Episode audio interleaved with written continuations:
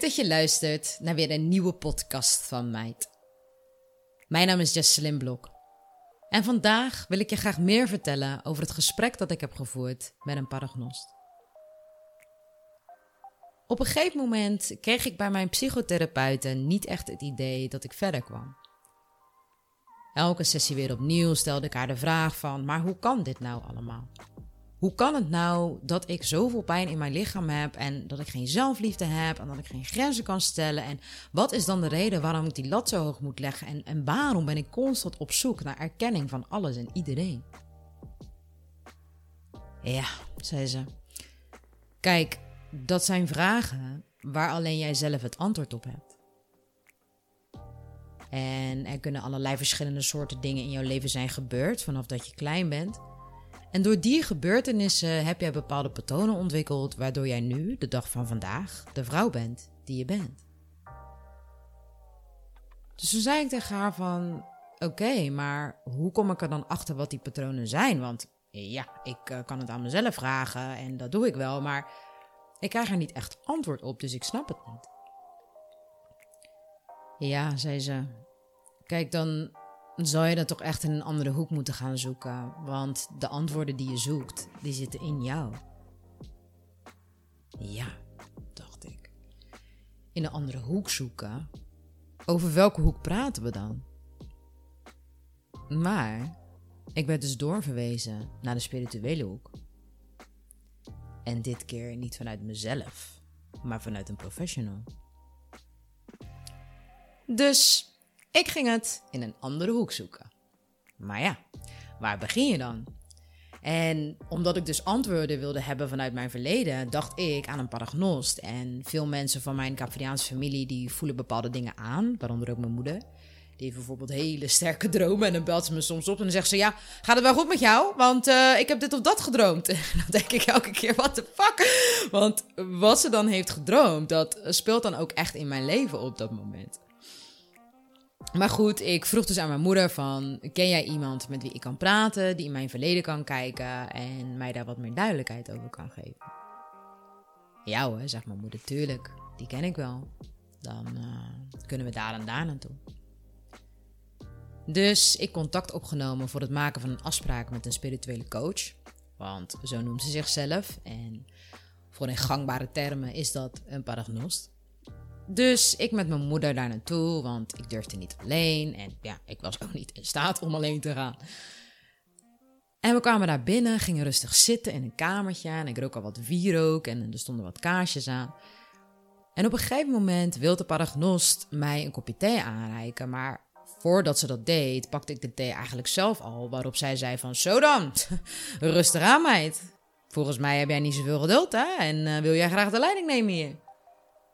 Nee, nee, ja. Uh, normaal gesproken doe ik dat heel erg graag, maar ik weet niet wat ik nu kan verwachten. Dus nee, nee, nee, uh, neem jij alsjeblieft de leiding. En ze lacht een beetje en ze gaat zitten en ze zegt: Ik voel een hele drukkende energie. En ik voel ook dat je graag de controle wilt houden. En je hebt heel veel vragen. Waar wil je mee beginnen? Nou, um, ik ben begin dit jaar tegen een burn-out aangelopen. Ik heb heel veel pijn in mijn lichaam en dat wordt maar niet minder. En uh, er zijn een aantal dingen die mijn psychotherapeute tegen mij heeft gezegd. Uh, waaronder dat ik geen zelfliefde heb. En ja, dat ik me eerder druk maak over andere mensen dan over mezelf. En uh, ik wil graag weten waarom dat is. Oké, okay, zegt ze. Over het stuk dat je voor iedereen wilt zorgen en je vleugels over iedereen wilt uitspreiden. Ik zie dat toen jij vijf jaar was er iets is gebeurd in jouw leven. En ik kan niet heel goed zien wat dat dan precies is. Maar op dat moment ben jij uit je veilige omgeving getrokken en ben je ergens heel erg van geschrokken. Er is voor jou toen iets heel heftigs gebeurd. Dus ik kijk naar moeder. Mam, wat is er gebeurd toen ik vijf jaar was? En mijn moeder zei, nou ja, ik zou het niet weten. Ik heb echt geen idee. En twee weken later, nadat ik bij de paragnos was geweest, belde mijn moeder mij ineens op en zei ze, Jess, ik weet het. Dus ik zou wat dan? Nou, Toen jij vijf jaar was, heeft papa een heel heftig ongeluk gehad op zijn werk. En waren wij thuis en werd ik op de huistelefoon gebeld dat er een vorkheftruck op papa was gevallen, waardoor hij in het ziekenhuis lag en het niet goed met hem ging. Toen heb ik jou en Janice naar oma gebracht. En toen ik jullie weer na een paar dagen kwam ophalen, zijn we verhuisd naar de tuin. Omdat papa thuis de trap niet meer op kon lopen. Jeetje, dacht ik. Wat bizar dat ik die gebeurtenis zo ver heb weggestopt dat de paragnos dat niet eens kon zien. Mijn ouders hebben een tuinhuisje op een tuincomplex, een soort van camping, maar dan met tuinhuisjes. En in de zomermaanden verblijven ze daar. En vanaf mijn vijfde jaar zijn we dus van ons grote huis naar het tuinhuisje verhuisd uit noodzaak. En die gebeurtenis heeft zo verschrikkelijk veel impact gehad op mijn hele leven verder. Terwijl het natuurlijk nu in mijn ogen best wel iets kleins is, want uiteindelijk was het gewoon oké met mijn vader. Maar ja, je moet je voorstellen dat wanneer je een kind bent van vijf jaar oud en je wordt in één keer uit je huis getrokken, je je moeder opeens zo erg in paniek ziet, je bij je oma wordt gedropt en je gaat in één keer na een aantal dagen in een totaal ander huis wonen en je vader kan niet meer goed lopen. Het is allemaal in één keer zo anders dan dat je kent. Dan doet dat schijnbaar heel erg veel met jou. En waarschijnlijk ben ik toen zo bang geweest dat ik daardoor misschien graag iedereen bij me wil houden en wil beschermen, ten koste van mezelf. En daarnaast zijn de paragnos tegen mij. De reden waarom je moeite hebt met zelfliefde en zo graag jezelf wilt bewijzen, is onder andere vanwege die flapdrol. Die flapdrol? Ja, ik zie dat jij ongeveer vanaf je vijftiende relatie hebt gehad. En dat heeft heel lang geduurd. En die persoon heeft jou gemanipuleerd, vernederd, tegen je gelogen, gebruikt, in de steek gelaten. En eigenlijk heel veel verschillende soorten pijnlijke dingen gedaan, waardoor jij jezelf niet veilig voelde en je jezelf een minderwaardigheidscomplex hebt aangepraat en altijd vond dat je alles beter moest doen om te bewijzen dat je wel een mooie en lieve vrouw bent, die het wel waard is om erkenning en liefde te krijgen. Dus ik, dus ik zei tegen nou, ik, ja, uh, ik heb wel vaak ruzie gehad en hij is vaak vreemd gegaan. Het was inderdaad een turbulente relatie, maar ik kan me niet echt herinneren dat hij mij zo slecht heeft behandeld. En toen zei ze: Nee, dat heb je heel diep weggestopt. En ik werd daar een beetje boos over dat ze dat zei. En ik dacht bij mezelf, nou, deze paragnos is helemaal gek in de kop. Want dat kan helemaal niet. Want dan zou ik dat toch weten als ik zo behandeld zou zijn. En uh, nee hoor, het uh, was gewoon een heftige relatie. En ik hield heel veel van hem. En hij hield ook heel veel van mij. Maar we matchten gewoon niet. En nadat ik bij de paragnos was geweest, ging ik weer terug naar huis liggen op mijn bank. En dan ging ik nadenken over wat ze nou eigenlijk allemaal aan me had verteld. En ging ik me weer bezighouden met mediteren en mijn herstel. En ik denk dat het een week of zo daarna was dat ik in één keer dagenlang allemaal flashbacks kreeg van wat er nou eigenlijk allemaal echt is gebeurd op het moment dat ik met hem in een relatie zat. En inderdaad, hij heeft dingen gedaan en dingen tegen mij gezegd. Zoals bijvoorbeeld: Ja, maar jij bent niet knap. Je bent geen mooie meid of zo. Je bent leuk om te zien. Maar daar is alles ook wel mee gezegd. Want ja, je mag best wel een paar kilootjes kwijt. Of dat we met z'n tweeën ergens waren en dat er een andere meid voorbij liep. En dat hij zei: Zo, kijk dan. Zo, als, nou, als ik zo een vrouw zie, dan word ik daar meteen direct verliefd op. Totaal andere vrouw dan ik.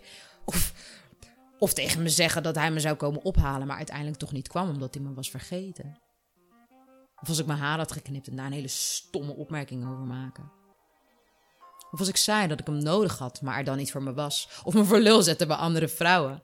En mij eigenlijk totaal niet waardeerde en mij niet in mijn kracht wilde zetten. Maar mij probeerde te vernederen en klein te houden. En ik weet 100% zeker dat dat niet met opzet was. En dat hij daar eigenlijk zelf niet zo heel veel aan kon doen. Omdat hij zelf zo'n verschrikkelijk moeilijk, ingewikkeld en liefdeloos leven leefde. Dat het eigenlijk ook niet zo heel raar was dat ik de pispaal was. En ik liet het allemaal maar gebeuren. En ging keer op keer weer naar hem terug, wat hij ook deed. Want de momenten dat hij oprecht aandacht aan me gaf en we onze pure puppyliefde met elkaar deelden, was het echt, ik zweer het, het allerbeste gevoel van de wereld. En ook ging ik terug omdat ik niet wist hoe ik mijn grenzen moest stellen, want ik was nog heel erg jong. En als ik erover nadenk, is vanaf je vijftiende met iemand samen zijn, als je zo'n jonge vrouw bent, is dat, dat, dat is een cruciaal moment in je leven, want je wordt dan gevormd tot wie je als volwassene zou worden. En ondertussen heb ik heel het verhaal en de relatie met hem en alles heb ik allemaal op een rijtje gekregen, zoals die toen voor mij was. En heb ik alles geanalyseerd en uiteindelijk heb ik mezelf en hem vergeven voor wat er is gebeurd. Want hoe heftig het ook allemaal was, ik ben hem echt heel erg dankbaar. Want naast het feit dat hij niet altijd even goed voor mij is geweest, hield hij wel van mij op zijn manier. En heeft hij mij echt heel veel geleerd.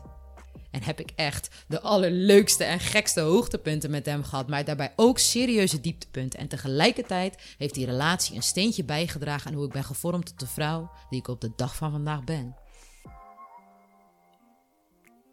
Door het gesprek met de paragnost heb ik wat meer duidelijkheid gekregen in mijn patronen en daardoor dus in mijn eigen gedrag. En ik weet nu ook dat al die delen waar we uit bestaan worden opgebouwd uit situaties die in je leven zijn gebeurd. Maar het bijzondere vind ik dat ik sommige dingen echt niet meer wist. En dat ik echt heel diep terug moest gaan bij mezelf om erachter te komen wat er nou precies is gebeurd. En in het begin was ik echt boos op mezelf. En dacht ik, maar wat is er nou eigenlijk allemaal dan nog meer gebeurd in mijn leven? En waarom is dat dan gebeurd? En hoe heb ik dat dan toegelaten? En waarom heb ik dat toegelaten? Hoe kon ik nou zo dom zijn? Hoe kon ik me nou niet bewust zijn van mijn eigen patronen? Waardoor ik het gedrag heb ontwikkeld. Waardoor ik tegen deze fucking burn-out ben aangelopen.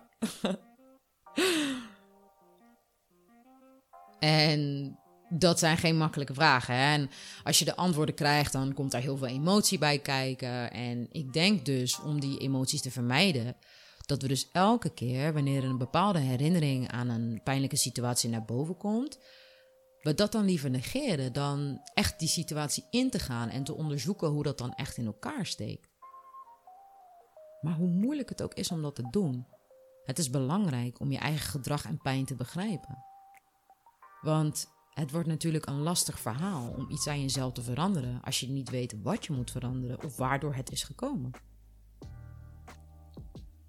Want als je heel je leven lang blijft lopen met dingen die je in het verleden hebt meegemaakt, en het maakt echt niet uit wat dat is, hè, dan worden de emoties daaromheen alleen maar groter en groter. En hoe meer je dat negeert, wordt het steeds moeilijker om ermee om te gaan.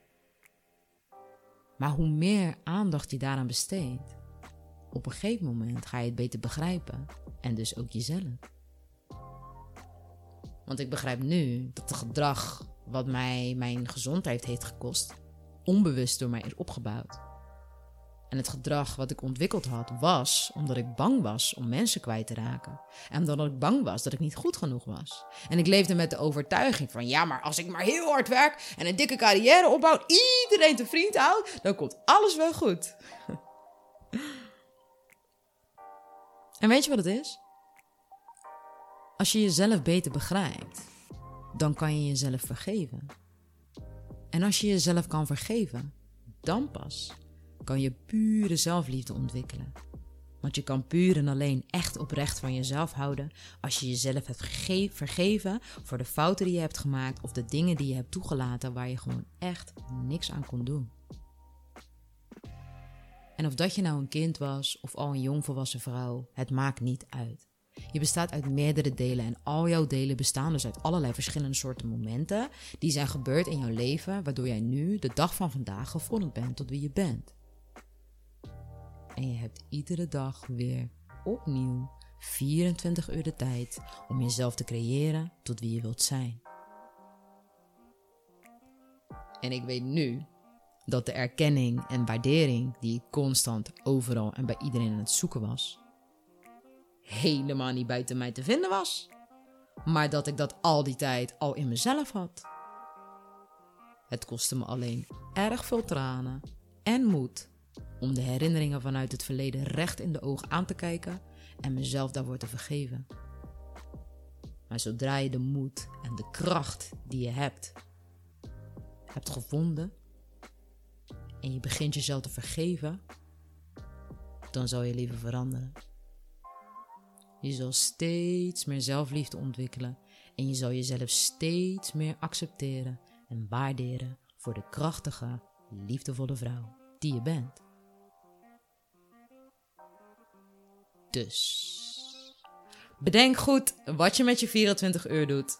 Hou van jezelf en bedankt voor het luisteren.